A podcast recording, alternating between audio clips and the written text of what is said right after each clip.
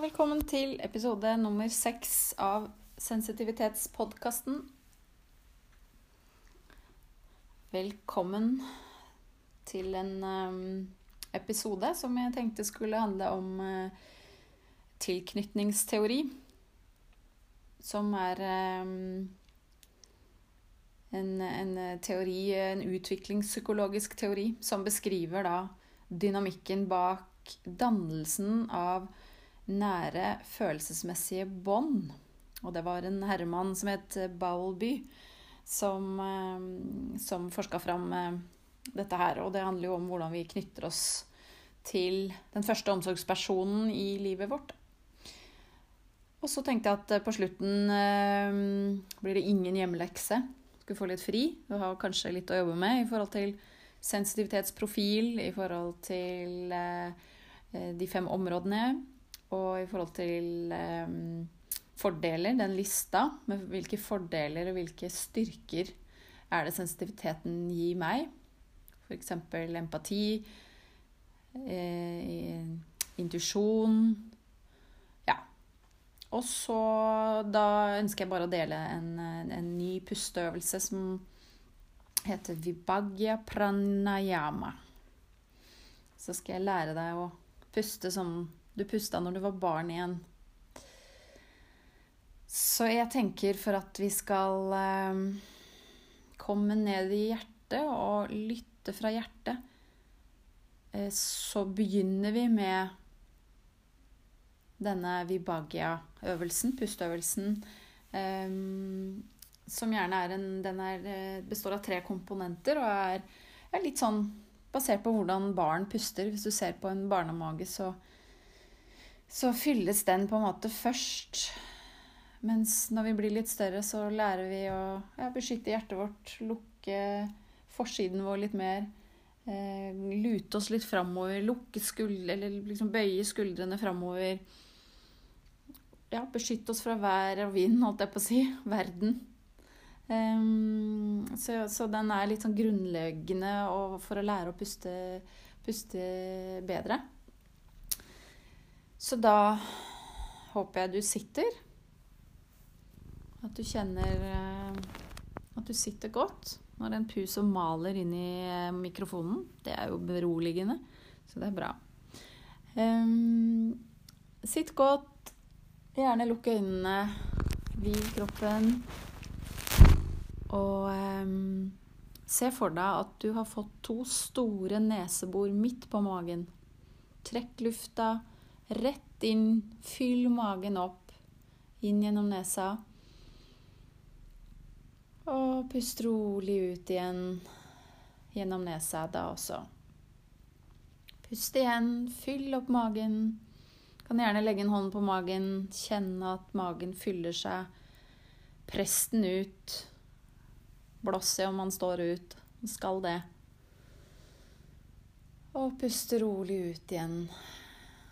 Og en gang til. Puste godt inn. Og puste ut igjen. Og så flytter du på neste innpust nesebora opp til brystkassa. Og trekk lufta rett inn i lungene. Se for deg at du fyller lungene ut på siden, ut bak på ryggen. Fyller opp maksimalt. Og så slipper du pusten rolig ut igjen. Fortsatt via nesa. Fyller opp igjen. Trekk luft direkte inn i lungene. Og rolig ut igjen en gang til. Fylle opp.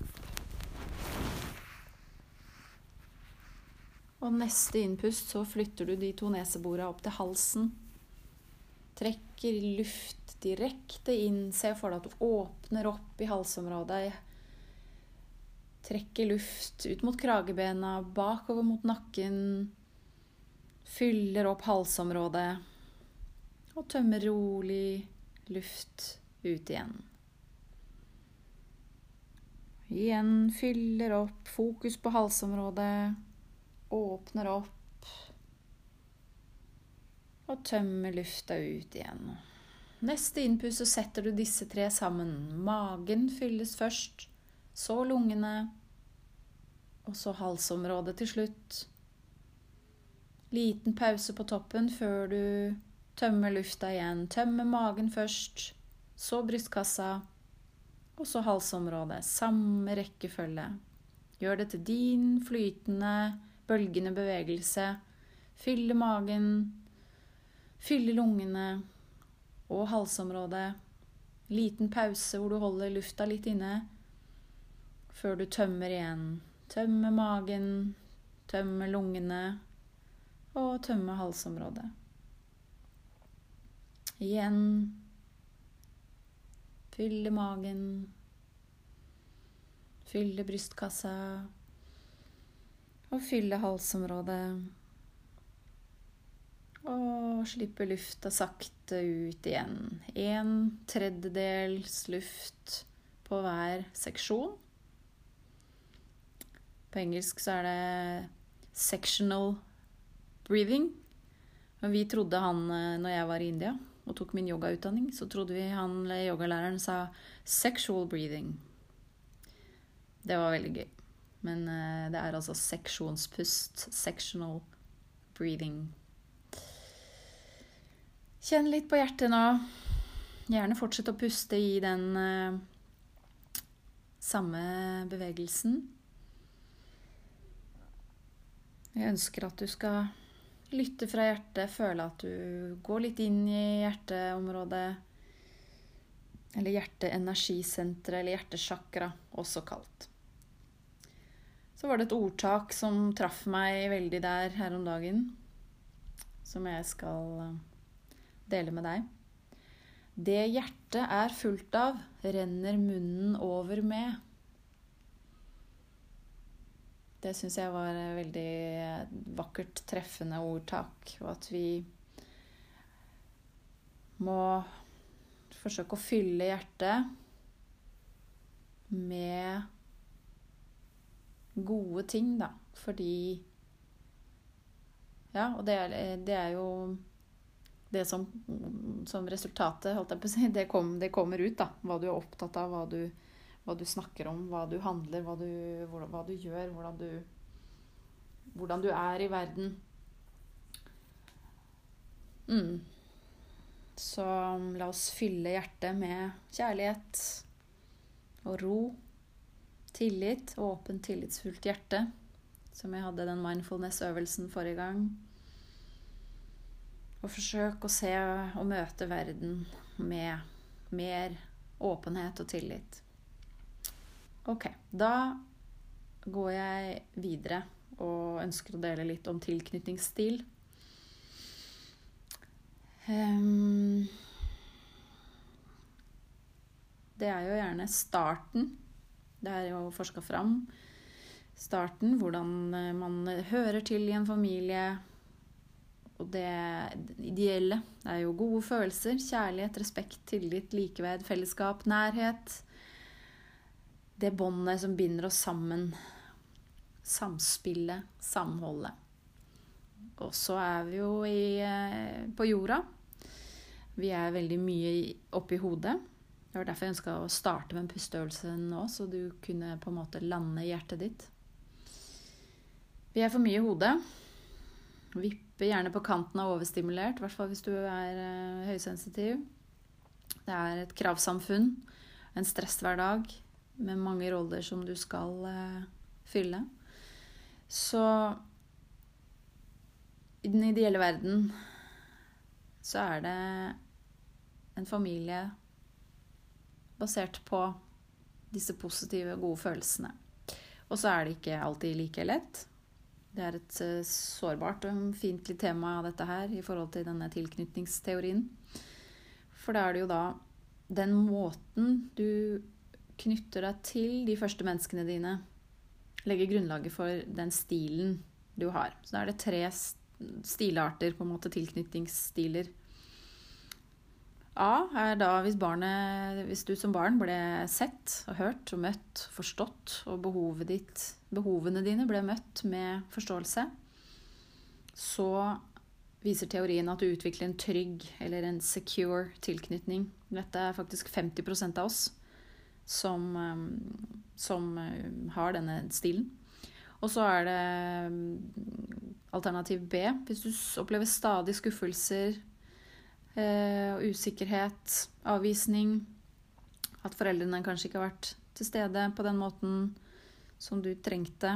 Det er gjerne angstfullt og, eh, og utrygt, da.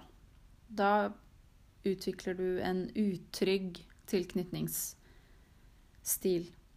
Engstelig, utrygg eller anxious. Dette er 20% av eh, befolkningen som utvikler. Og dette vil jo gjerne følge deg da, i forhold til at du kanskje sliter med følelser, forholdet til deg selv. At du har fått en, et skada eh, selv, selvbilde, da. Selvfølelse. Um, siste alternativ er usikkerhet. Altså dårlig psykisk klima og dårlig relasjon med foreldrene. Og dette er jo gjerne blir større større følelsesmessige traumer, da, og at du utvikler en unnvikende eller avoidant tilknytningsstil. Og det er faktisk 25% som utvikler denne her. Og den arter seg gjerne som en sånn intimitetsvegring. At du uh, heller lar være å knytte deg til. Fordi ja, det er ikke det du forventer at du kan, på en måte. Um, det var en, en, test da, som ble gjort i forhold til uh, noe forskning på området, hvor de viser en, et barn som er inne i et eh, ja, fremmed rom eh, med eh, denne, denne, forskeren eller psykologen eller hva det var. Og mor forlater rommet. Barna blir igjen alene. Det står noen leker i ene enden av rommet. Den trygge tilknytta barnet eh, krabber bort og begynner å leke. Gråter kanskje litt med en gang når mor går, men eh, ok, greit. Begynner å leke med lekene. Og når mor kommer tilbake, så er det bare vanlig glede.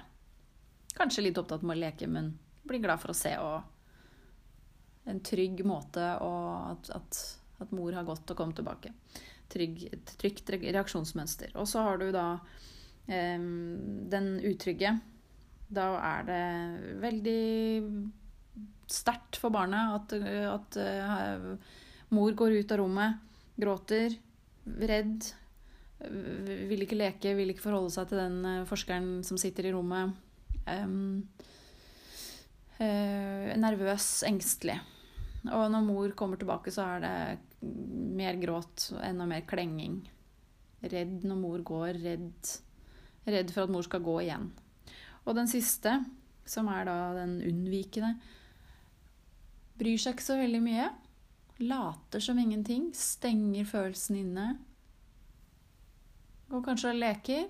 Overser den andre personen som sitter i, den fremmede som sitter i rommet. Og når mor kommer tilbake um, Ja, så er det ikke noe spesielt gjensynsglede, egentlig. Så um, ja, dette beskriver litt de tre stilene, da. Som igjen da setter, eh, setter spor for, eh, for, hvordan man knytter seg til, og hva man forventer av relasjoner senere i livet. Da. Det blir en slags varig mental idé om, om hva du kan forvente når du står nær noen, eller er avhengig av noen. Og så er det en liten prosentandel som både blir utrygg og unnvikende. 3-5% Så den er jo angstfylt, og samtidig at man døyver og lukker følelser og later som ingenting, da. At man ikke våger å knytte seg til, for det har man aldri fått lov til som barn. Ok, Så hvorfor er dette her nyttig, da, i forhold til det å være sensitiv? Ehm, jeg tenker det kan være veldig nyttig i forhold til eh, kjærlighetsrelasjoner. Andre relasjoner også. Vennskap. Samspillet mellom eh, andre mennesker. Det å forstå både den man er sammen med, eller hvorfor man ikke finner noen å være sammen med, eller hvorfor det blir veldig vanskelig. Eh, Elaine Aron har også skrevet en egen bok, faktisk. En Highly Sensitive Person in Love. Eh, den er også å anbefale. Jeg tenker jo det handler om å se mønsteret sitt da, ut fra tilknytningsstilen. Åpne opp, akseptere og tilgi. Og ja. Litt mer forklaring også. Det at man som barn da, lærer seg å beherske situasjoner i trygge omgivelser. Eh, lære eh, når du skulle presse deg, eller når du burde ta deg bedre tid. Og lære når du At du lærte når du burde trekke deg helt tilbake. Og når du trenger hvile, for så eventuelt å prøve igjen senere. Så hvis man har den utviklinga, at man får lov å lære seg disse tingene her, presse seg, prøve igjen, det er ikke så farlig. Nå trenger du hvile, nå er du overstimulert. Forklare, forklare litt for barnet at det er følsomt, da. Du har en Det er ikke noe gærent, det er ikke annerledes. Men du er snekra sammen litt annerledes enn de andre barna. Du må ta mer hensyn til eh, kroppen din. Kanskje delta på en barnebursdag litt kortere enn en, en tenkt. At man finner på å hjelpe barnet å finne på en unnskyldning for å dra før. Eller, ja, sånn at barnet ikke blir totalt utmatta. Ja, jeg skal lage nye episoder også som vil gå nærmere inn på dette her med, med hvordan hjelpe barn. Mm. Så tenker jeg jo også i forhold til foreldre, da, det å føle seg som en dårlig forelder eller beskyldt, eller altså ikke føle seg god nok osv. osv. Det er et veldig ømtålig, ømfintlig, smertefullt, sårbart tema. Eh, men alle har jo sitt utgangspunkt. Jeg tenker man har gjort sitt beste ut fra sine ressurser og sitt utgangspunkt. Tilgi foreldrene, ikke bærer nag. Men altså Tilgi, ja. Aksepter. Igjen åpent, tillitsfullt hjerte. Altså at man, man har gjort så godt man har kunnet. Og så opplever alle traumer. Sånn er det. Jeg tenker også det å bære nag, da. Det er også et ordtak der. Det å hate er som å ta, ta gift selv og vente på at den andre skal dø. Det gjør deg ingenting godt. Mm. Så alle vil jo oppleve traumer. Og det som eh, påvirker den ene, betyr kanskje ikke noen ting for den andre. Og alle barn er sensitive. Det er jo også et spørsmål jeg har møtt mange ganger. At liksom alle, barn jo, alle barn er jo sensitive. Men et sensitivt barn påvirkes i betydelig sterkere grad enn et mindre sensitivt. Det preges sterkere. Det går sterkere innpå, sånn som den gutten med den kaninungen fra forrige episode. Det er på en måte Det, det går inn i marg og bein og sjel og blod. Ja. Så barn påvirkes i sterkere grad av disse opplevelsene og tilknytningsstilene da, som, som man eh, preges av, eller som man utvikler. Mm. Um, så våge å se på sine traumer. Søke profesjonell hjelp, kanskje, hvis det er dype traumer. For å få forløst, rensa, hela. Um, og ja, for å kunne ivareta, se at du kanskje hadde behov da, som ikke ble ivaretatt, som gjorde at du fikk sår på sjelen og lære deg nå ok, hva er mine behov? Hva var det jeg gikk glipp av? Hva var det jeg savna? Hvordan kan jeg sjøl ivareta de behovene nå og bli den forelderen som jeg kanskje aldri hadde, da? Og så er det igjen balansen, den gylne middelvei, i forhold til det å ja, gi seg sjøl egenomsorg, og det å, å bli overbeskyttende, pirkete, lukke seg, isolere seg. Mm. også et annet godt råd som jeg har eh, delt med mange. Hvilke råd i forhold til hvis du står i en situasjon som du syns er krevende, hvilke råd vil du gi til en god venn? Ofte er vi så harde med oss sjøl.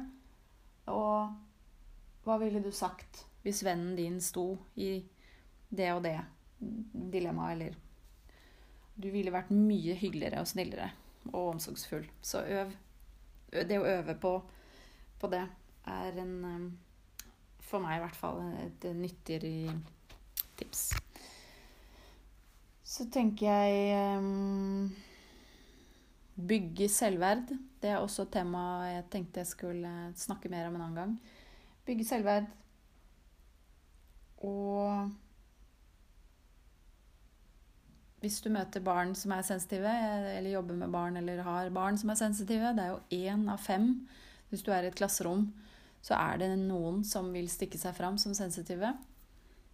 Lær litt om sensitivitet. Og tenk at et sensitivt barn trenger forståelse i større grad. Yes. Da ønsker jeg deg en um, fin uke til uh, neste gang vi høres. Og jeg håper at du um, har lært noe nytt også i dag. Ha det bra!